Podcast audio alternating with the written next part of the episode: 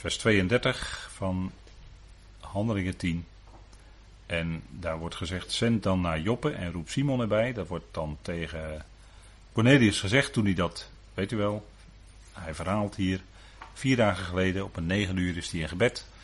En dan komt er een man in stralende kleding, die een boodschapper van God, die hem dit vertelt.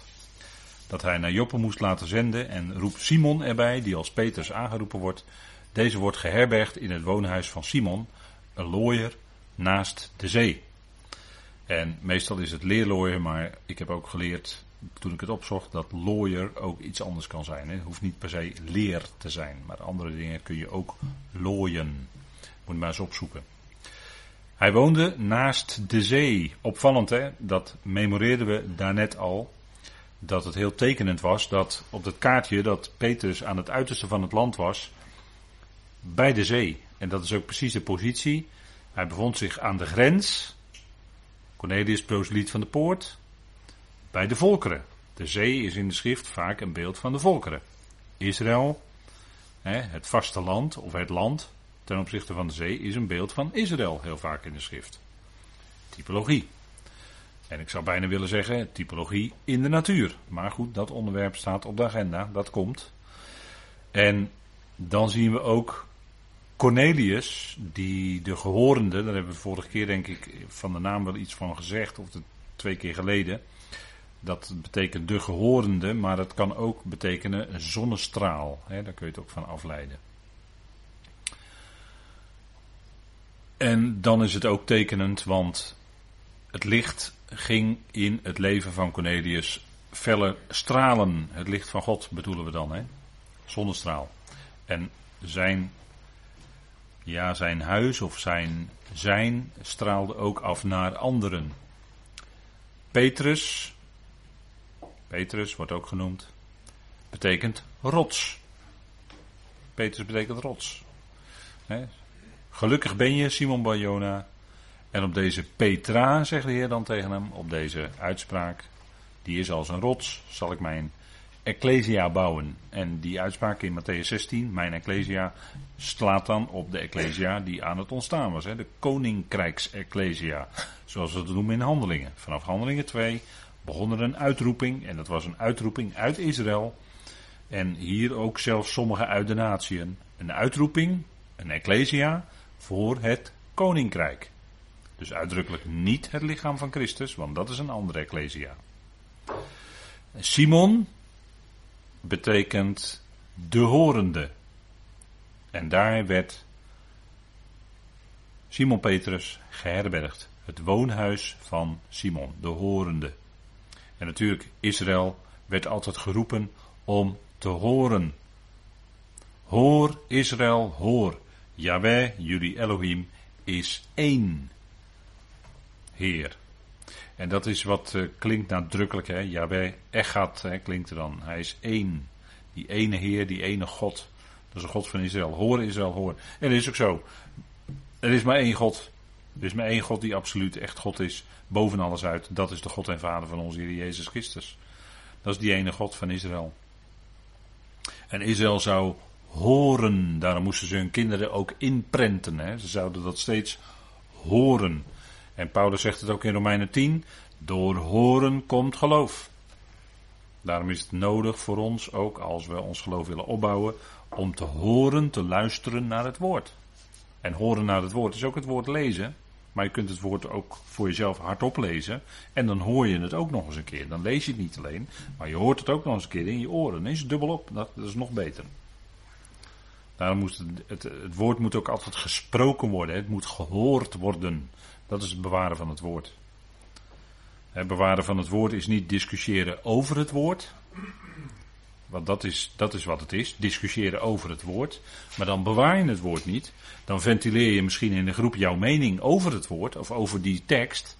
En de andere heeft weer een andere mening. En die heeft weer die mening. En die heeft weer die mening. En daar kun je prachtig met elkaar over discussiëren. En dan zeg je nou, we hebben vanavond weer fijn met elkaar gediscussieerd. Maar ik denk niet dat dat is tot opbouw. Ik denk dat tot opbouw is dat het woord gehoord wordt en eventueel toegelicht wat het dan betekent. Maar toelichten zeg ik dan heel bescheiden hoor, want het is alleen maar een kleine toelichting. Het gaat om wat de schrift zelf zegt. Het schrift zou je lezen, zou je horen in je oren. En God ervoor danken wat hij zegt. Lees dan, hè, we hebben een prachtig boekje, concordante vertaling. Kun je voorlezen. Staat op internet, kun je van je beeldschermpje ook het lezen en dan hoor je het ook. Daarom moest Ezra bijvoorbeeld, hè, iemand als Ezra moest voorlezen, hè, de Torah voorlezen, moest voorgelezen worden voor het volk. Zodat het volk dat hoorde, hè, dat lees je in Ezra en Nehemia, die boeken. En dan legde de priester Ezra legde ook uit wat het betekende. En natuurlijk, dat is nodig. Dat was in Israël ook de priesterklasse, om het zo maar te zeggen. Dat was ook de lerende priester. Die zou namelijk in de tempel onderwijzing geven over die Torah.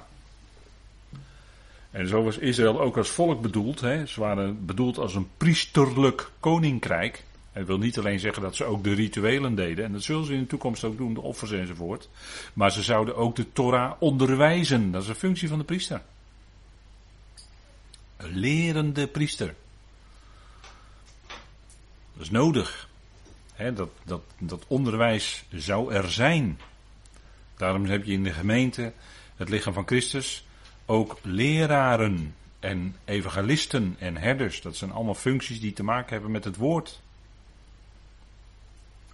En, en dat, daarom zou dat ook klinken tot opbouw van de gemeente. Dat, dat is ook het woord bewaren.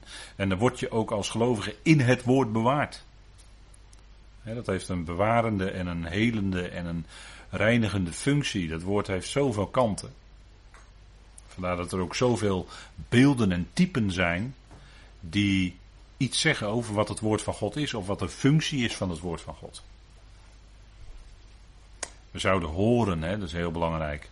De natieën zullen ook horen, dat is de belofte, dat is de profetie. En dat zal in, in de nabije toekomst ook zo zijn. In de duizend jaar zullen ze, zullen ze de slip, hè, de tien, tien zullen de slip van een Joodse man pakken. En vertel ons, vertel ons, die God van jullie, over die God van jullie. Over jou, vertel ons. Dat staat in Zacharia, hè. geweldig hoor. Het is een geweldige tijd. Is niet volmaakt, hè? de tijd. Duizend jaar is nog lang niet de volmaaktheid. Zelfs op de nieuwe aarde is nog niet volmaakt. Het is pas volkomen als God alles in allen is. Als de tweede dood is opgegeven, dan is het pas volkomen. Dan is Gods plan voltooid. En dan is het eindeloze, kunnen wij ons niet voorstellen, maar dan is het eindeloze, dan echt eindeloze heerlijkheid. Ja, dat is natuurlijk geweldig, hè. Zo'n toekomst gaan we tegemoet. En dan, ja, als je, als je die dingen bedenkt, dan zou je bijna een gat in de lucht springen. Hè, dat, is, natuurlijk zo geweldig. Hè, dat is het punt van, uh, ja, wat, wat ze ook gaan doen, zullen we lezen. Vers 33. Onmiddellijk dan zond ik naar jou, zegt Cornelius, vertelt Cornelius. Bovendien heb, ik, jij, heb jij uitstekend gedaan om te arriveren. Nu zijn we dan allen voor het aangezicht van God aanwezig om alles te horen wat jou gelast is door de Heer. Dus hier zien we dat Cornelius en Petrus allebei gehoorzaamden aan wat ze van God hadden meegekregen, om het zo maar te zeggen. Het geloofsgebed geeft ook verwachting van God. Het gelovige gebed geeft een verwachting. Kijk, als je de dingen hoort, dan ga je God ervoor danken voor wat je gehoord hebt. Dan ga je God ook bidden op grond van wat je gehoord hebt met het besef, en vaak weet je niet wat je moet bidden naar wat moet zijn. Hè, hebben we weer onlangs met elkaar in de dagstukjes besproken, hè, in Romeinen 8. Wij weten niet wat wij zullen bidden naar wat moet zijn. Dus vaak zitten wij met dat gebedsprobleem ook nog eens een keer. Maar dan komt die geest ons te hulp in ons zuchten, in ons lijden. En die geest die bidt en pleit voor ons met onuitgesproken zuchten. Dus zelfs in jouw gebedprobleem komt de Heer jou nog te hulp en, en, en de geest geeft je dan misschien de woorden die je kan spreken. Of misschien heb je het zo moeilijk dat je niet eens de woorden kan spreken. Dat kan ook. God kent je hart. God kent je nieren. Dat staat ook allemaal in de psalmen. God kent ons door en door. Ons hart en ons nieren, ons diepste innerlijk. Het is bekend bij God. Onze gedachten, ze zijn bij hem bekend. Onze nood, onze druk, ons lijden. Het is bij hem bekend. En we kunnen alles met gebed en smeking onder dankzegging bij Hem bekendmaken. Alles. Ja, ja, daar is onlangs over gesproken.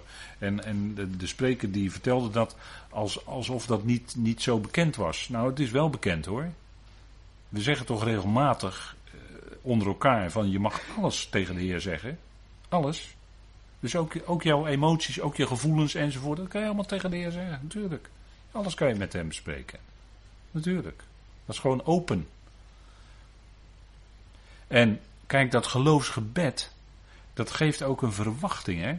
Kijk, als je op Gods woord gaat bidden en danken, dan geef je dat ook een verwachting. Dan ga je uitzien op grond van wat, wat je gebed is. En misschien heb je wel eens hele wonderlijke dingen gebeden waarvan je dacht van waar komt dat toch vandaan? Nou, ik denk dat toch dit iets, de geest van God in je iets doet. En dan ga je het ook van God verwachten. Dan ga je uitzien naar wat God gaat doen. En heb je God misschien gebeden, gesmeekt en, en, en voor, voor, voor moeilijke dingen, voor iets waar je tegenop zag, of voor je kind, of voor je kleinkind, of wat dan ook. En dan ga je het verwachten van God. En dan ga je het ook meer bekijken vanuit God. Van, vader, hoe gaat u dat nou doen in dat leven? En, en niet alleen in de verre toekomst, nee, morgen, overmorgen. En dan ga je zien wat, wat God doet. En dan ga je zien ook hoe God bij gelegenheid bewaart. En hoe die de dingen leidt in, in kleine en grote dingen. Maar dat, daar krijg je meer oog voor als je ook in dat gebed bent met God. Hè? En de Heer was ook in het gebed van God. Hè? Toen hij zijn discipelen riep. Lucas 6 eh, staat dat. Hij was in de nacht in het gebed van God, staat er. Dus dat gebed kwam bij God vandaan. God gaf hem dat gebed. En op basis daarvan kon hij zijn discipelen uitkiezen. Ook Judas. En de Heer wist van meet aan dat Judas hem zou verraden. Of uh, ik zeg het weer verkeerd, dat Judas hem zou overgeven, want dat is wat er eigenlijk staat hè, in het Grieks. Overgeven. Wist, wist hij van meet aan.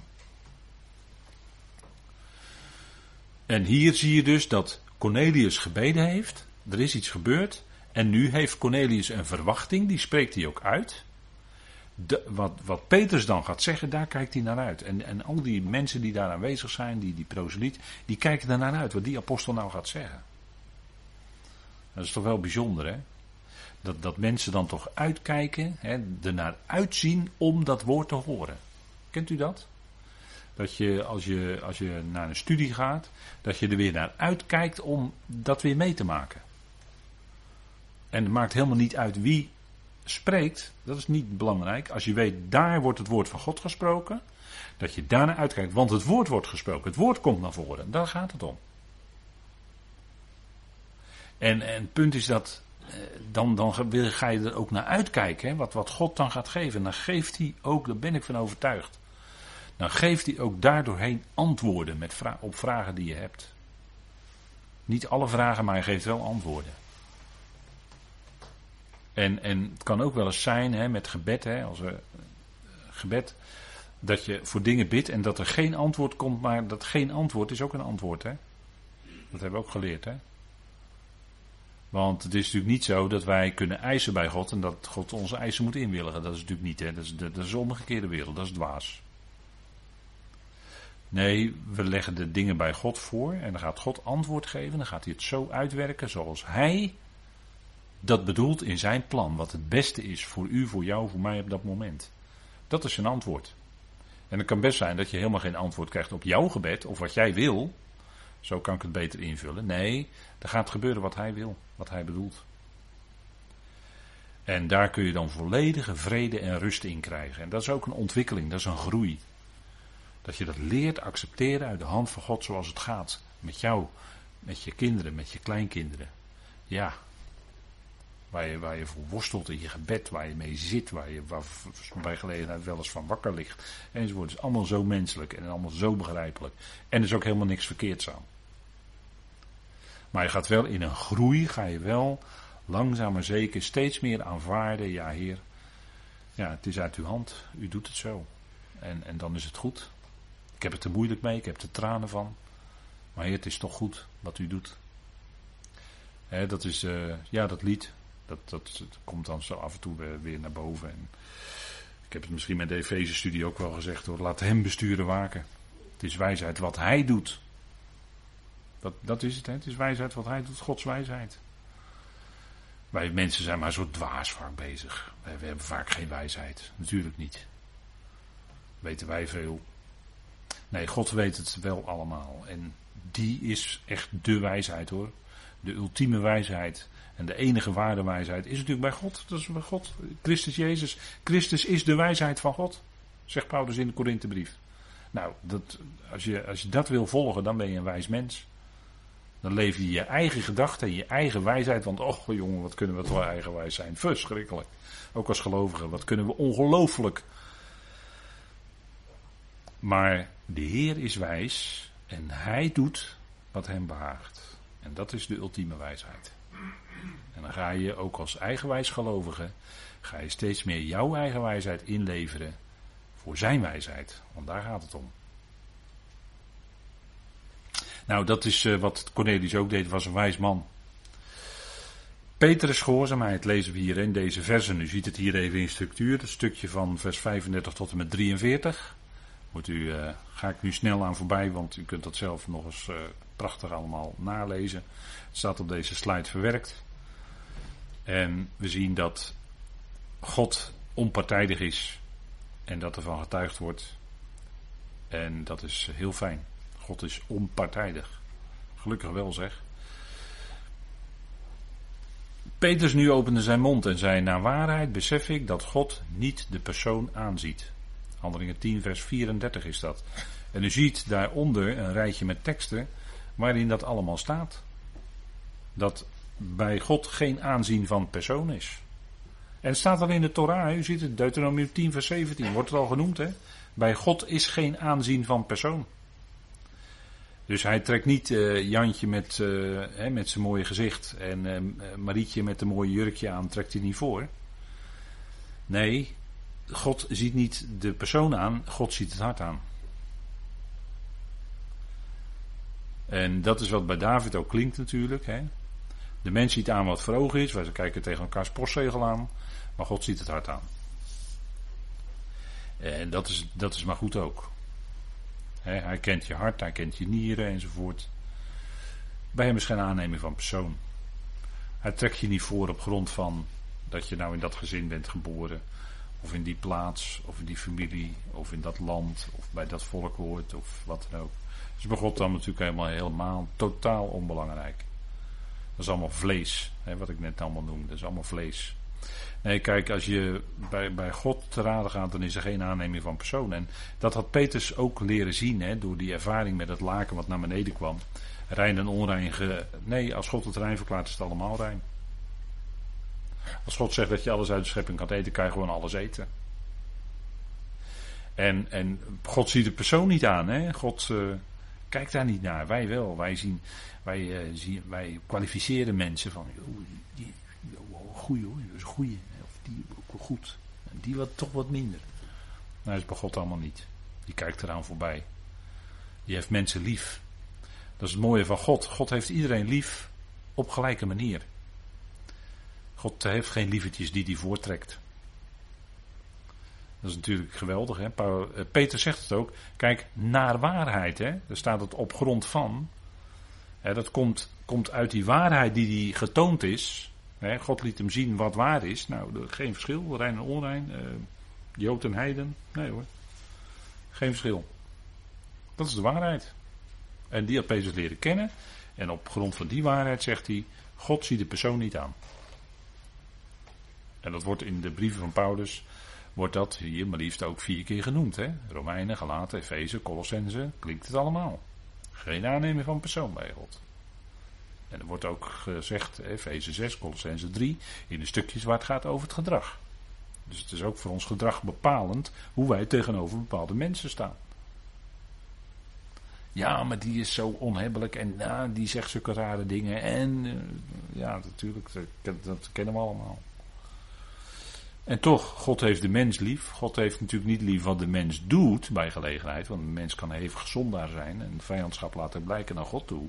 Dat is wat anders. Maar de mens zelf heeft God lief. God houdt van mensen. Van zijn hele mensheid. Want daarvoor heeft hij zijn zoon gegeven. Ook voor die rare, ja, ook voor die rare. Ja, daar heeft God nou zijn zoon voor gegeven. Hè? Dat is zijn liefde. God echter bewijst zijn liefde voor ons. Dat Christus, toen wij nog zondaren waren, doelmissers waren, geen idee we hadden waar het allemaal over ging. God helemaal niet kende. Toen wij nog zondaren waren, stierf Christus voor ons. Dat is Gods liefde. Christus, zijn geliefde zoon. Zijn eigen zoon die hij zo lief heeft. Die heeft hij overgegeven. Voor al die doelmissers, voor al die vijanden, voor al die. Noem maar op. Geen aanzien van persoon bij God. Dat is wel geweldig, hè? Geweldig, zo is God.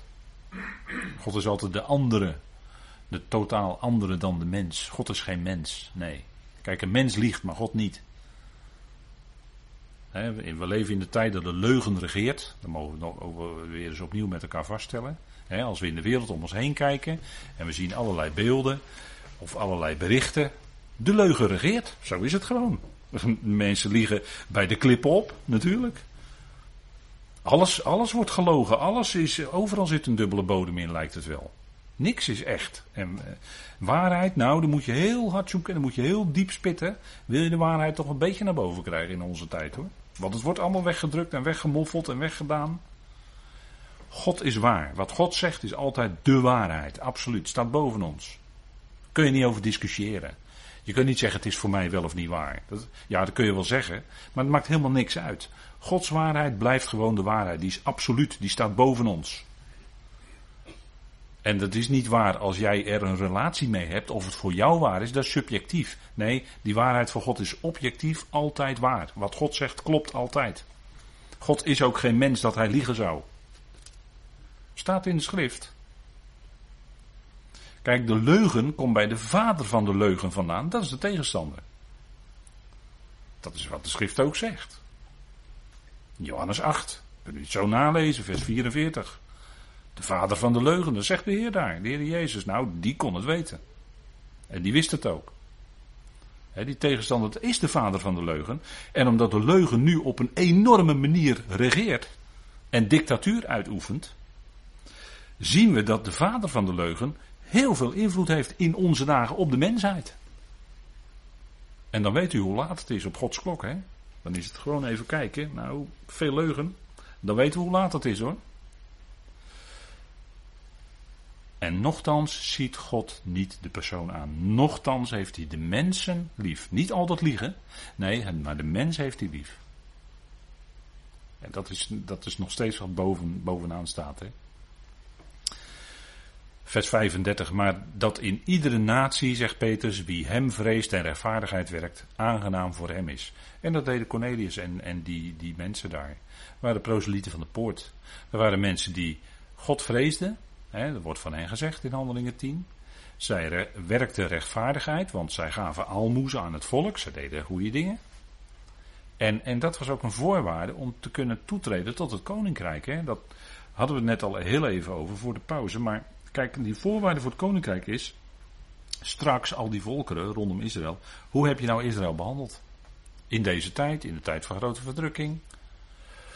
Als je de broeders van de Heer goed hebt behandeld, dan zul je een plaats van zegen krijgen als volk in het koninkrijk. Daar gaat Matthäus 25 over. En als je het volk van God niet goed hebt behandeld, dan zul je de plaats krijgen van afsnijding van zegen. Dat is het woord kolasis wat daar staat in Matthäus 25. Er wordt vertaald met uh, pijniging, maar er staat eigenlijk kolasis in het Grieks en dat betekent insnoeiing of afsnijding. Dus die volkeren die in Matthäus 25 genoemd worden, die de broeders van de Heer Israël naar het vlees niet goed behandeld hebben, het volk Israël, die zullen een plaats krijgen van afsnijding van zegen in het komende koninkrijk. Dus die delen niet in de zegen met Israël. Dat is waar de Heer het over heeft in Matthäus 25. Hij zal daar zitten als richter en de volkeren richten zoals een herder de schapen en de bokken richt. Het gaat over bokken en schapen, volkeren. Het gaat niet over individuele mensen daar. Leest u het maar na.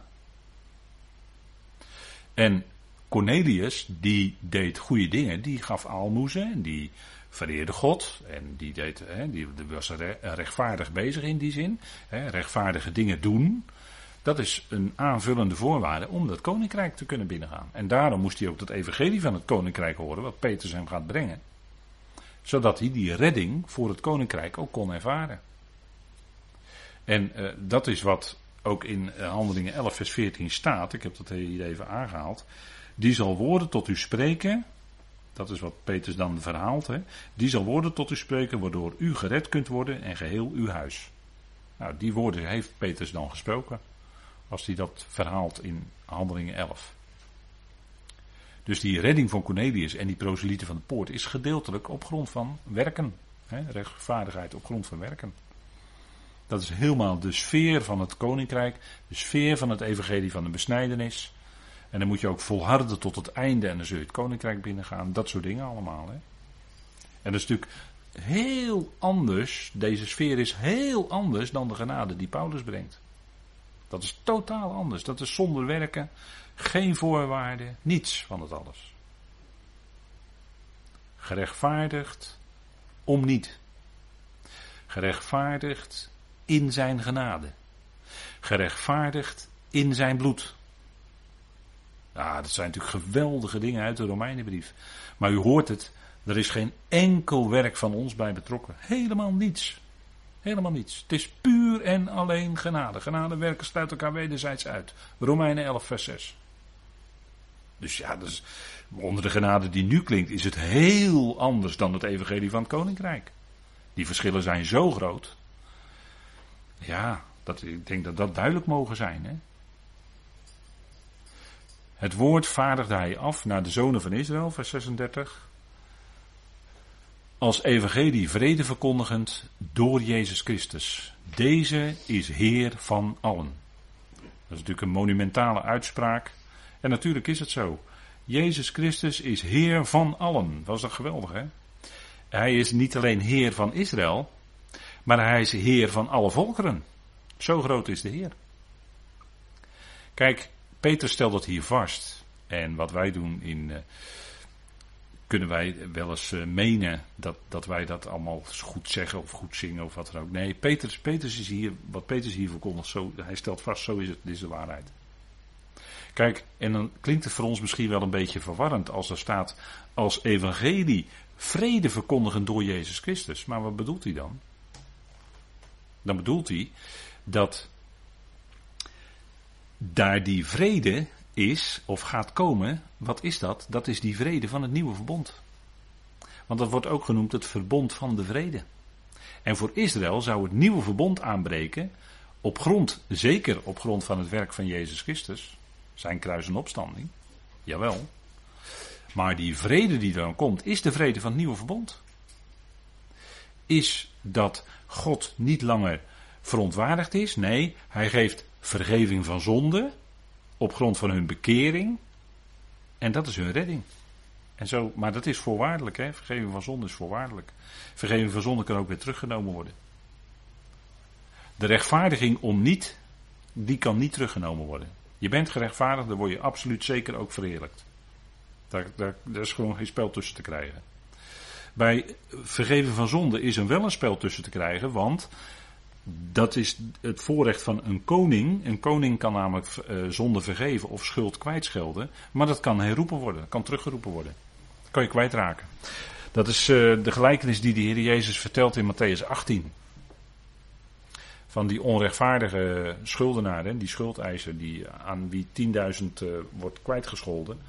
En dan komt hij een ander tegen die op zijn beurt aan hem weer, laten we zeggen, 100 schuldig is. En die gooit hij in de gevangenis. En dat dat pikte die koning niet, dus die werd weer teruggeroepen. En die kwijtschelding of die vergeving, dat werd herroepen. En dat is precies profetisch wat met Israël zou gebeuren in handelingen. Vandaar dat de Heer dat vertelt in Matthäus 18. He, Matthäus is ook het evangelie wat vertelt van dat hij de koning is van dat koninkrijk. Dat staat hij als centraal als koning. Dus kijk, dat evangelie als evangelie vrede verkondigend, zoals Petrus dat hier brengt, dan denkt Petrus aan dat nieuwe verbond wat door Jeremia was aangekondigd. De vergeving van zonde. Dat, dat is zeker door Jezus Christus, natuurlijk, dat is de enige manier, dat is de enige weg, natuurlijk. Maar dat is niet de vrede, het evangelie van de vrede, zoals Paulus dat brengt met de wederzijdse verzoening. Dat gaat veel verder en veel dieper. En nog wijder ook. Kijk, dat zijn dingen die moet je niet met elkaar verwarren. En ik kun ook niet zeggen, kijk, oh ja, nee, kijk, hier heeft Petrus ook over het evangelie van vrede. Dus dat is hetzelfde als wat Paulus verkondigt, want die verkondigt ook evangelie van vrede. Nee, want hier gaat het over Jezus Christus en bij Paulus gaat het over Christus Jezus. En dat zijn toch duidelijke verschillen hoor. Dat, dat is geen literaire variant of zo. Nee, dat zijn wezenlijke verschillen die wezenlijk in de schrift zo aangebracht worden. En daar moet je op letten. En natuurlijk, de, hij is Heer van allen. Dat is ook wat Paulus verkondigt. Natuurlijk, natuurlijk. Hij is Heer van allen, van iedereen. Natuurlijk. Hij is Curios. Dat zal iedereen uiteindelijk ook beleiden. Natuurlijk, dat is waar. Alleen je moet het wel hier zien binnen de setting waarin Petrus dit zegt. Hè? Hij is Heer van Israël en van de volkeren. En ik denk dat dat belangrijk is. En dat is wat Paulus ook, ik heb die tekst aangehaald ook waar Paulus het zegt in Romeinen 10. Want er is geen onderscheid tussen Jood en Griek, want dezelfde is Heer van allen. Paulus stelt het ook vast, hè? Die rijk is voor allen die hem aanroepen.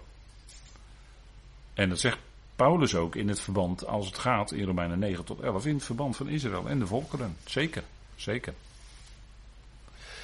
dat is denk ik eh, wat, we, wat we ook goed onderscheiden. Maar het is natuurlijk geweldig. Hij is Curios. Jezus is Curios. Hij is Heer, zonder meer. En dat geldt voor ons ook als leden van het lichaam van Christus. Wij erkennen Hem als Heer. Christus Jezus, de Heer. Hij is Heer over ons leven. Hij is de Heer en wij stellen ons op als, als waren wij slaven. En de Heer spreekt en wij gaan. De Heer zegt die kant op, dan ga je die kant op. De Heer maakt duidelijk die kant op, dan ga je die kant op.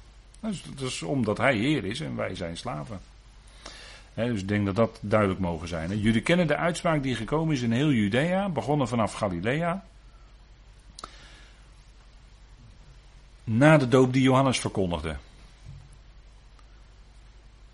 En uh, de uitspraak, dat is een, uh, ja, dat, dat is iets wat, wat uh, dat is eigenlijk het effect van iets wat uitgegoten wordt. De uitspraak is iets, het effect van wat, wat uitgegoten wordt. En ik denk dat dat ja, wel, wel uh, belangrijk is dat we dat eventjes uh, uh, goed weten hoe dat, hoe dat zit.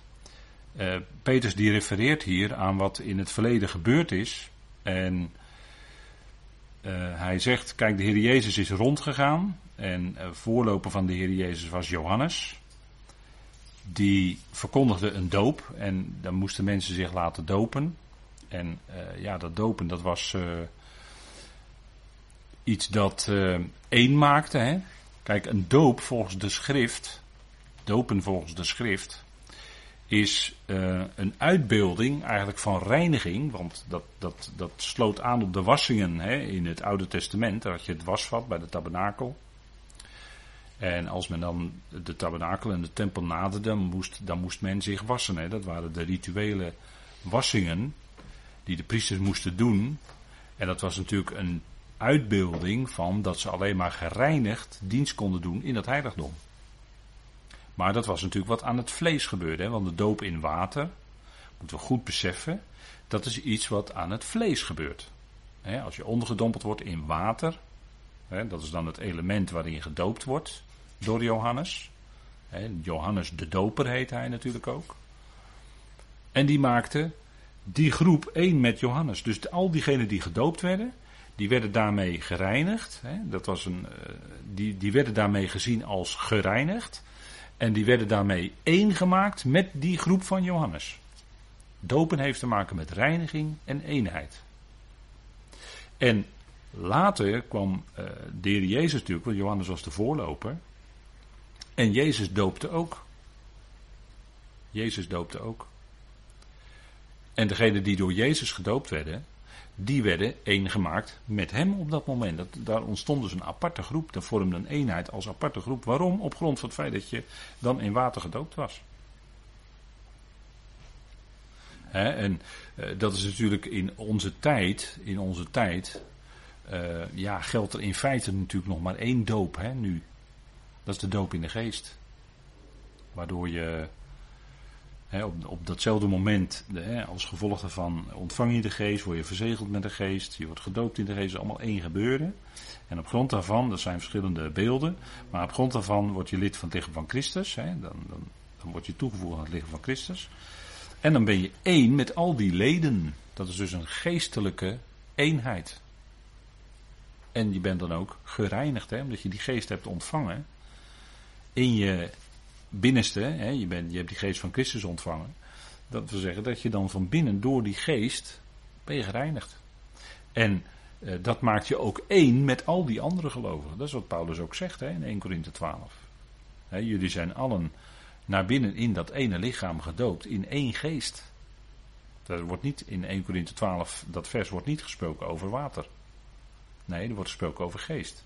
Dat is de enige doop in deze tijd. En eh, als mensen nog in water dopen, dan moeten ze zich goed bewust zijn dat het voor God helemaal niets uitmaakt. Je doet daar niets mee in feite. Maakt helemaal niks uit. Het enige is dat je iets doet, wat je wel doet, is je doet iets aan het vlees. Dus je geeft in feite daarmee aan het vlees nog een beetje plek. En eh, ja, dat moet je goed bewust zijn, hè, als je in water doopt in deze tijd. Maar Petrus refereert hij dus aan de doop van Johannes. En die maakte één met hem. En dan gaat hij verder. Jezus van Nazareth. Toen God hem zalfde. Of zalfde staat hier in de Aoristus. Toen God hem zalfde met heilige geest en kracht. Die doorkwam. Weldoend en allen helend wie onderdrukt werden door de tegenwerker. Want God was met hem. Dus na Johannes kwam Jezus als degene van wie Johannes zei: Ik ben niet waard ook maar de, zijn sandalen vast te maken. Dat was werkelijke ootmoed van Johannes. Want Johannes zei: Hij moet toenemen, hè, hij moet groeien en ik moet minder worden. Dat wil zeggen, zijn bediening moest afnemen en die bediening die de Heer had, die moest gaan toenemen. En God zalfde met Heilige Geest. Hè. De Heer Jezus was natuurlijk verwekt door Heilige Geest. Door de kracht van de Allerhoogste bij Maria. En daarom was de Heer Jezus van Metafaan natuurlijk heel bijzonder, want die, die geest had hij direct van God. Hij was verwekt door de Heilige Geest, dus hij had een hele bijzondere geesteskracht in zich, die op een hele bijzondere krachtige manier in hem werkte.